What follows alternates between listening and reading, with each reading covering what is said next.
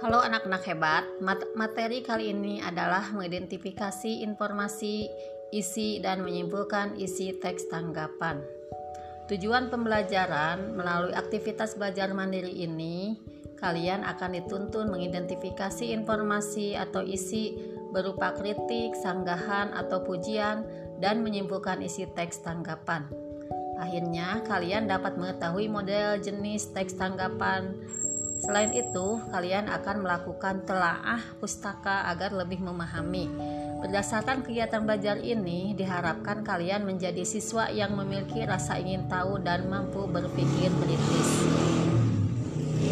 Selanjutnya, di dalam aktivitas belajar, nah di sini kalian akan dituntun untuk membaca sebuah teks dan sebelumnya kalian harus berdoa berdoa dulu. Semoga kegiatan ini menjadi sesuatu yang bernilai manfaat.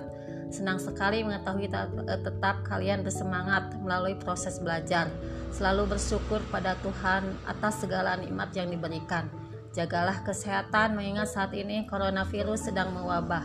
Lakukan pelindungan diri dengan cara rajin mencuci tangan memakai sabun menggunakan masker menjaga jarak dan tetap di rumah Nah, selanjutnya bacalah tiga kutipan teks tanggapan berikut, kemudian lakukan aktivitas yang menyertainya.